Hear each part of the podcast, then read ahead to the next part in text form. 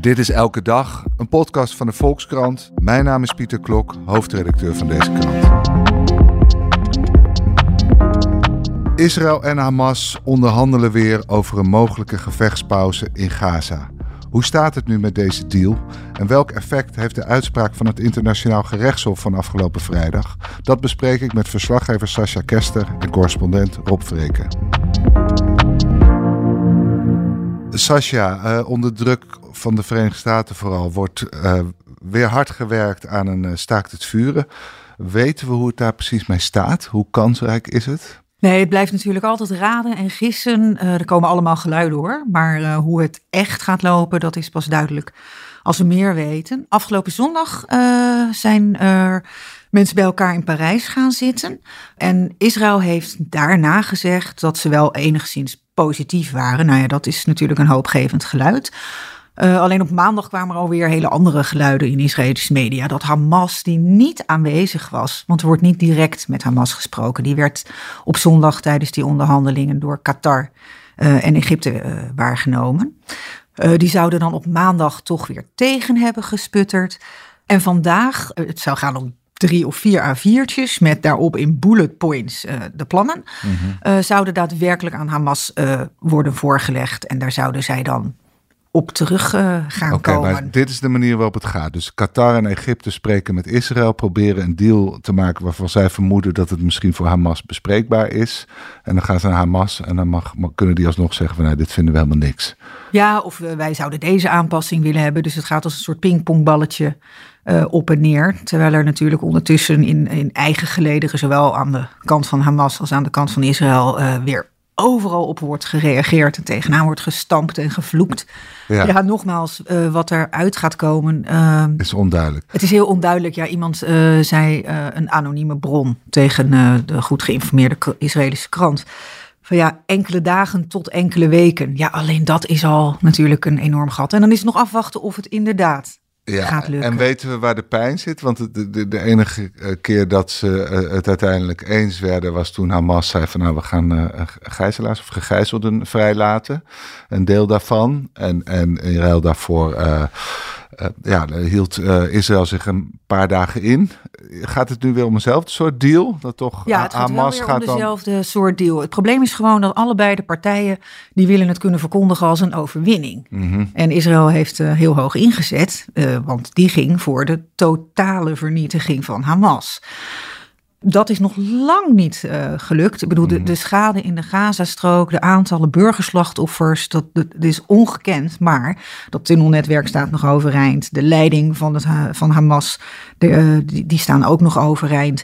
Dus wat dat betreft heeft uh, Israël zijn, zijn doelstellingen nog helemaal niet gehaald. Nee, maar Israël moet kunnen zeggen, de, de, de gegijzelden komen vrij en we hebben Hamas verslagen. De, de, en pas dan kunnen ze stoppen Ja, dus die zouden eigenlijk alleen kunnen zeggen, ja, dit gaat echt maar om een tijdelijk bestandje om die gijzelaars vrij te krijgen. En daarna gaan we natuurlijk verder met vechten, want we willen Hamas nog steeds vernietigen. Ja, maar En Hamas wil kunnen uh, verkopen, wij hebben gewonnen, uh, de, sta de, de strijd is gestaakt. Het is nu een hele lange periode. En in die lange periode wordt natuurlijk ook weer verder gesproken. En nou ja, daar is de hoop dat dan het vechten niet meer wordt opgepakt. Ja, en dan moet dus een heel dun geitenpaadje waar Qatar en Egypte op moeten lopen en de Verenigde voorbij... Staten. En, en ook Israël en Hamas zelf. Want het wordt heel snel verkeerd begrepen of toch als een nederlaag geïnterpreteerd. En... Nou ja, en zeker ook bij Netanyahu. Die, die, die staat, dat is de premier van Israël, die staat echt aan alle kanten onder druk. Aan de ene kant worden de duimschroeven steeds verder aangedraaid door wanhopige familieleden uh, van die gijzelaars. Er zitten er nog, dat zijn Israëlische cijfers, ik weet ook niet um, natuurlijk uh, hoe zij dat precies zou kunnen weten, maar het zou dan gaan om nog 109 levende gijzelaars en 27 lichamen van omgekomen Zoveel. mensen. Die uh, natuurlijk ook heel graag door de familie begraven uh, willen worden. Ja, dus het minste is wel dat die allemaal terug weer veilig thuis of, of in ieder geval de overleden mensen bij hun familie uh, terug kunnen keren. Maar aan de andere kant zit Netanyahu natuurlijk in een regering met uiterst rechtse partijen. Ja. En voor hen is het onbespreekbaar om het vechten überhaupt maar te pauzeren. En die hameren de hele tijd, uh, niet, niet in achterkamertjes. Hè? Daar zoeken ze gewoon de media voor op en een podium. Van nou, als hij dit doet, hij, Netanyahu, hiermee ja. akkoord gaat, dan trekken wij de stekker uit de regering. Ja, want, want die rechtse fracties, uh, uh, nou ja, je beschreef vandaag ook in een stuk, die gaan eigenlijk steeds harder te keren. Er wordt ook zelfs weer gesproken over het koloniseren van Gaza. Dat uiteindelijk ook weer uh, Joodse Israëliërs daar gaan wonen om de boel over te nemen, want daar hebben ze recht op in, in de logica van uh, rechts-Israël. Dus je voelt eigenlijk dat die druk van rechts alleen maar verder toeneemt. Ja, en uh, die bijeenkomst waar je aan refereert, die, uh, die was ook afgelopen weekend. maar daar waren dus niet alleen ministers, er waren elf of twaalf ministers. Hè? Dus het is niet, niet een clubje kolonisten dat in een zaaltje een beetje gekke gekke plannetjes zitten smeden. Er waren gewoon ministers bij aanwezig. En dat waren niet alleen de bekende namen. Uh, Ben Kvier hebben we het hier vaker over gehad. De leider van een uh, ultranationalistische partij. Maar ook ministers van de, van de Likud. Dus van de mhm. partij van Netanyahu zelf. Ja, en, en, eh, maar maar wat, wat denkt Likud dan? Hebben ze echt serieuze plannen om net als op de westelijke Jordaan-oever daar weer langzaam de boel over te nemen? Nou ja, dit, dit is niet de lijn van Likud. Netanyahu zegt zelf dat het geen regeringsbeleid is om uh, Gaza weer te herkoloniseren. Uh, wat er wel volgens uh, Netanyahu moet gaan gebeuren als de oorlog eenmaal voorbij is. daar heeft hij nog steeds niet duidelijk over geweest. Maar goed, hij stelt dus: nee, dat is bij ons niet de bedoeling. Maar iedere individuele minister mag natuurlijk wel gewoon zeggen wat hij wil. Ja. Nou ja, en die individuele ministers, onder wie dus mensen uit zijn eigen partij. Die hebben afgelopen zondag letterlijk gezegd dat uh, de Palestijnen vrijwillig moeten migreren. Dat deze oorlog fantastisch is om te zorgen dat ze dat ook echt vrijwillig willen gaan doen. En dat ze daar dan uh, weer nieuwe nederzettingen kunnen stichten. Maar eh, vrijwillig, ze willen dan liefst dat iedereen daar vertrekt. Als je het aan uh, bepaalde mensen uh, vraagt, dan zouden ze het heel fijn vinden als alle Palestijnen in de rest van de Arabische wereld gaan horen. Dat hoor je ook heel vaak als je op de bezette westelijke Jordaanoever bent bijvoorbeeld. En dan lopen een paar van die kolonisten uh, langs groepen Palestijnen. Dan gaat dat vuistje omhoog en dan beginnen ze te roepen, ga weg, ga naar huis. Ja. En ze dan vragen naar huis, naar huis. Die meneer die staat toch voor zijn huis? Nee, dit gebied is van ons. Dit is hier woonden wij Joden al duizenden jaren geleden. En dit is de enige plek waar wij kunnen leven. Ja. Dit, dit is het enige, de enige Joodse staat ter wereld en hier is onze geschiedenis. Terwijl zij kunnen naar Egypte, naar Jordanië, naar Syrië. En ja. Laat ze lekker die kant op gaan. En een ander, uh, wat ze aanvoeren om te legitimeren, is: wij hebben in Gaza gewoond vroeger. Uh, ook, ook wij Joodse Israëliërs, maar wij zijn op een gegeven moment kregen wij te horen dat we moesten vertrekken. Dus we hebben daar ook rechten op. Nou ja, ze wijzen dus op de rechten die eh, hen door God zijn gegeven.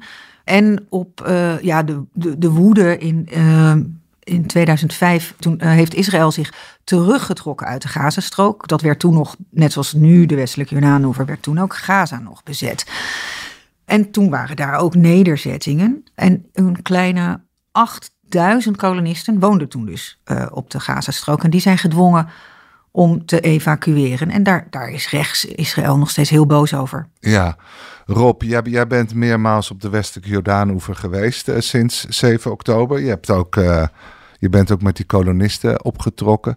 Begrijp je dat hartstochtelijk verlangen om uiteindelijk ook die bezette gebieden uh, te, te, koloniseren? Want je zou zeggen, Israël is op zich nog groot genoeg. Er is genoeg plek. Nou ja, het zijn natuurlijk mensen die, uh, en het om historische redenen en om bijbelse redenen menen dat uh, het Joodse volk recht heeft op geheel Judea en Samaria. Dus het westen, westelijke Jordaanoever en ook de Gazastrook.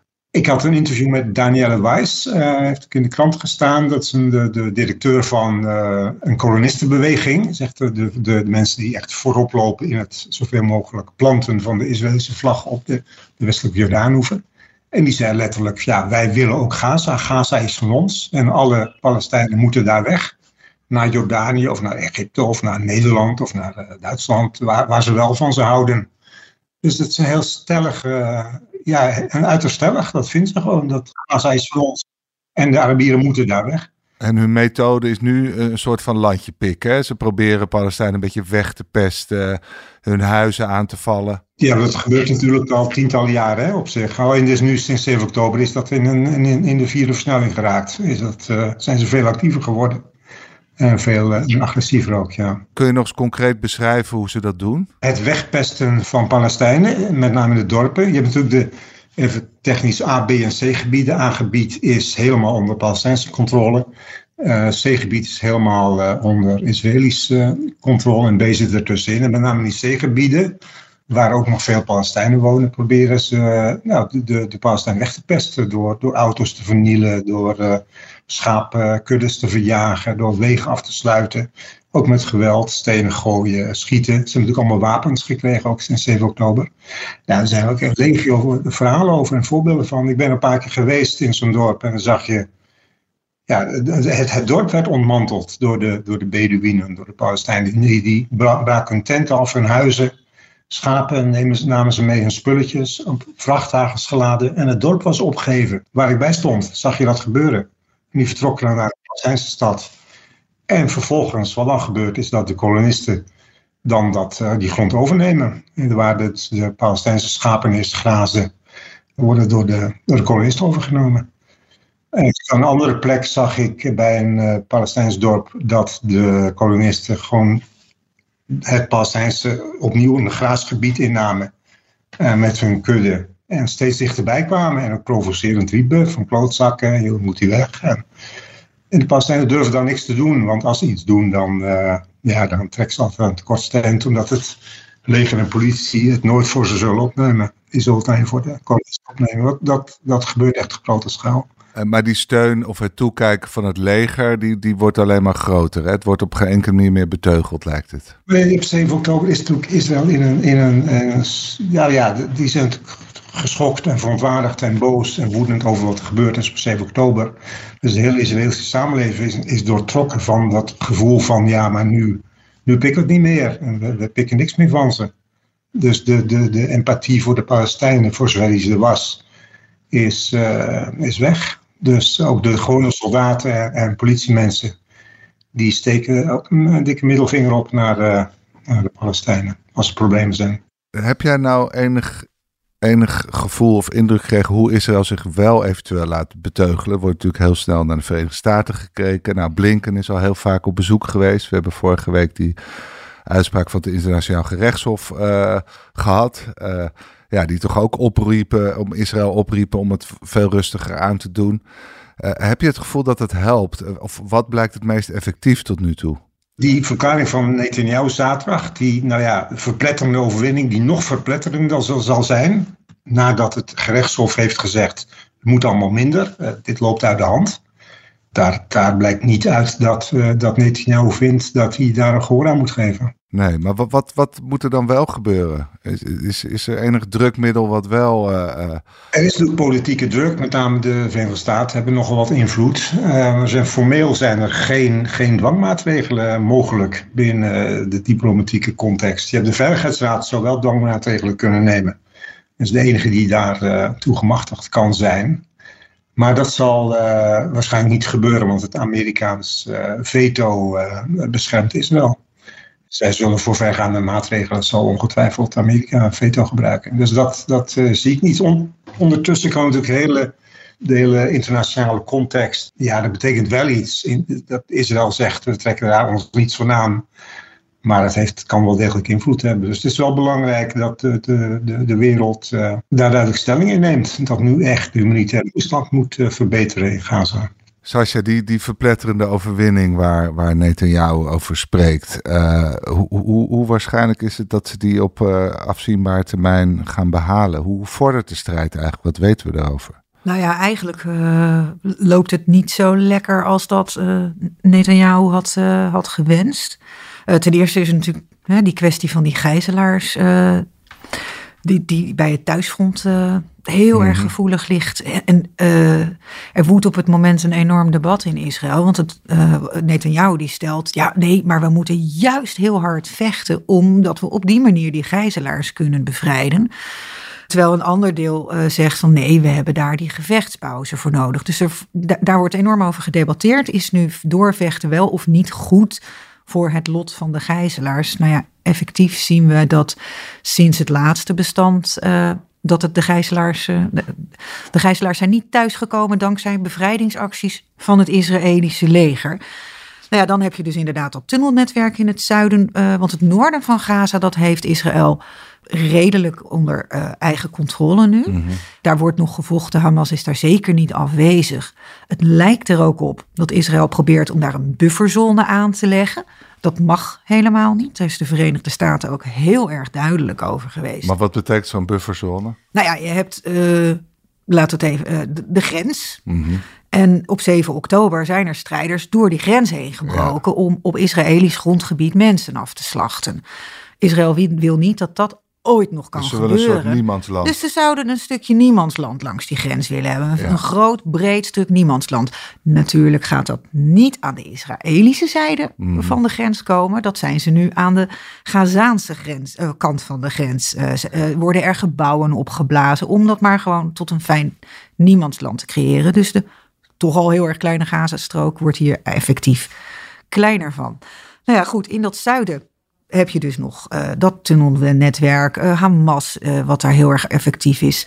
De Wall Street Journal had deze maand een rekensommetje gemaakt dat van de 25 tot 30.000 Hamas-strijders die er zijn, dat er ongeveer 20 tot 30 procent zou zijn omgekomen bij deze oorlog. Dat is echt veel minder dan de 10.000 strijders die Israël zegt al te hebben doen sneuvelen. Ja, en er is ook bijvoorbeeld een generaal, uh, generaal Gadi Eisenkot buiten dienst. Die zit in dat oorlogskabinet van Netanyahu mm. zelf.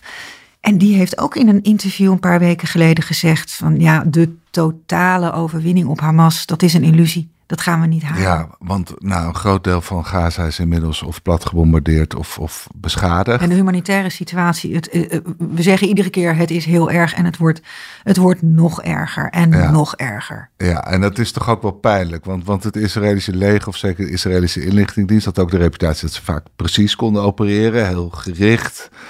En, en nu weten ze eigenlijk nog steeds niet waar die gijzelaars zitten. En, en, en uh, dat is toch ook pijnlijk voor het zelfbeeld van Israël. Kan ik me voorstellen dat ze, dat ze eigenlijk veroordeeld zijn tot zulke grove methodes. Uh, nou ja, die bombardementen, uh, die, die, die, eigenlijk gebruiken zij dit juist als een argument dat het dus niet Israël is die schuldig is aan mm -hmm. die, die ondertussen 26.000 dode Palestijnen, maar dat dat de schuld is van Hamas. Van ja, wij doen echt ons uiterste best om uh, alleen militaire doelwitten te raken. Maar ja, Hamas heeft geen schuilkelders gegraven, alleen ja. maar tunnels voor zichzelf. Wat natuurlijk ook uh, absoluut waar is. En Hamas wil deze oorlog voeren in een, uh, in een dichtbevolkt gebied. Ja.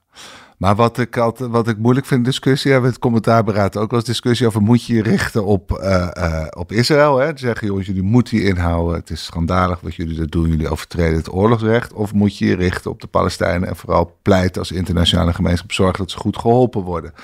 En ja, die twee dingen hangen natuurlijk wel samen. Uh, maar nu hebben we ook nog het pijnlijke dat, dat een organisatie daar heel belangrijk voor is, uh, nu onder vuur ligt, omdat ze mogelijk ook, of een aantal van hun personeelsleden uh, betrokken was bij die aanvallen van 7 oktober. Ja, dat is ook. Kolfje naar Israëls hand. Daar zijn zij ongetwijfeld heel erg blij mee. Dat is een VN-organisatie, de UNRWA. Ja. Um, UNRWA die, die al sinds 1948 uh, de zorg voor de Palestijnen draagt. En die ook Israël al lange, lange tijd een doorn in het oog is. En dan is de grote vraag, uh, want daar hebben dus blijkbaar toch, daar wijst meer en meer bewijs op, echt hele rotte appels tussen gezeten. Die een hele nare rol hebben gespeeld op 7 oktober. Maar moeten nu al die Palestijnen de tol betalen voor deze rotte appels? Maar Israël vreest dat, dat, dat er hele hechte banden zijn tussen Hamas en, en UNRWA, ingewikkelde afkorting. Dus die vinden deze organisatie al heel lang verdacht. En hebben het gevoel dat die eigenlijk meehelpen om, uh, om Hamas ook sterk te houden. Wat ook ongetwijfeld voor uh, een aantal individuen zeker waar is. Maar op welke schaal dat is, dat uh, is ja, en het, het is voorlopig de enige organisatie die we hebben, toch? Die hulp verleent. En het is de heel, veel, heel veel alternatieven zijn er niet. Nee. Ja, maar het is, het is ook allemaal wel weer heel pijnlijk. Rob, hoe, hoe kijk jij daar tegenaan? Nou, ik vind het eigenlijk, eigenlijk bizar dat op dit moment, met deze humanitaire noodtoestand, een paar dagen in het weekend, dat het internationaal gerechtshof, dus de hoogste gezaghebbend instituut, die humanitaire toestand schildert en de wereld, niet alleen Israël, maar ook de wereld, de partijen bij het genocideverdrag oproept, dat ogenblikkelijk te daar eind aan te maken, aan die catastrofe en de toestand te verbeteren dat dan landen zich opeens de, de financiering van de, gaat stoppen van de enige organisatie die, uh, die hulp kan geven. Dat, dat, is eigenlijk, vind ik eigenlijk te gek voor woorden. Ik begrijp dat niet. En dat er twaalf uh, mensen zijn aangewezen als Hamas uh, handlangers, geloof ik meteen.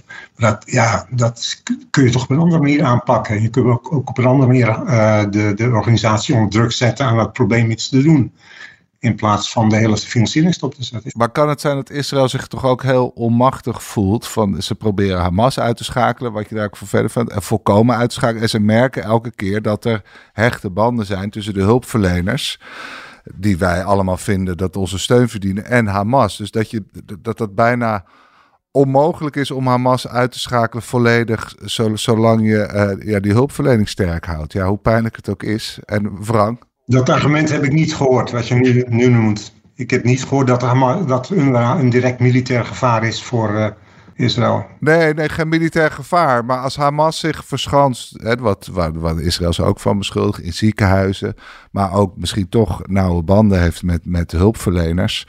Nou, wat Israël vooral ook al, al decennia een doorn in het oog is, um, is dat deze organisatie volgens Israël het probleem in stand houdt. Want we zijn nu hè, sinds 1948 al aan de zoveelste generatie Palestijnse vluchtelingen toe. Uh, dus de, de de kleinkinderen, de achterkleinkinderen van mensen die in 48 ontheemd zijn geraakt, worden nu nog steeds aangemerkt als vluchtelingen. Dat heb je in andere oorlogssituaties niet. Dus Israël heeft iets van, en dan komen we weer bij het begin, die heeft het liefst dat ze daar allemaal weg zijn en niet meer zeuren. De UNRWA, die uh, ja, die, die houdt wat Israël betreft dus het probleem van de ja, Palestijnse vluchtelingen. Israël, je kan niet meer spreken van vluchtelingen na, na twee of drie generaties. Dan zijn het gewoon inwoners van Gaza en hebben ze niet een soort Ja, en dat, dat gaat dan breder, want er zijn natuurlijk ook mensen naar Libanon gevlucht, naar Syrië gevlucht enzovoort. Nou ja, dat is natuurlijk een discussie die je niet kunt koppelen aan, aan het acute probleem van, van hulpverlening en de rol van UNRWA. De, de, de internationale gemeenschap heeft geaccepteerd dat UNRWA bestaat en moet bestaan. En moet je, ja, dat is dan de organisatie waar je het mee moet doen. En als er problemen zijn met uh, sommige personeelsleden, dan zijn er natuurlijk andere manieren om het aan te pakken dan de hele financiering stop te zetten op dit dramatische moment na een uitspraak van het internationaal gerechtshof dat hij juist de andere kant op moet. Want het blijft gewoon een organisatie van de Verenigde Naties en verdient in die hoedanigheid gewoon steun. Punt, ja. Helder. Sascha, tegelijkertijd dreigt de regio ook nog te stabiliseren. Nou, Netanyahu lijkt zich op geen enkele manier uh, te laten beteugelen. Uh, rechts wordt nog eens rechtser en radicaler. Uh, zijn er ook nog tendensen uh, de goede kant op? Nee, ik, ik, ik, het spijt me, ik heb geen lichtpuntje. Geen lichtpuntje. Rob, kan jij ons nog helpen? Lichtpuntjes? Uh, nee, alleen de hoop dat uit zo'n geweldig, geweldige negatieve zin dan probleem men inziet dat er echt iets moet gebeuren en dat er op ons komt. Maar ja, dat is een we moeten eerst heel diep gaan voor we weer kunnen stijgen, zoiets. Oké, goed. Nou, mag ik jullie danken voor jullie uh, heldere uitleg. En u luisteraar, dank voor het luisteren. De Volkskrant Elke Dag wordt gemaakt door Lotte Grimbergen, Rinky Bartels, Julia van Alem, Corinne van Duin, Jasper Veenstra en Nathalie Denis. En wilt u de Volkskrant steunen? Neem dan een abonnement. Dat kan nu voordelig via volkskrant.nl slash podcastactie. Want deze podcast is gratis, maar onze journalistiek is dat niet. Morgen zijn we er weer. Tot dan.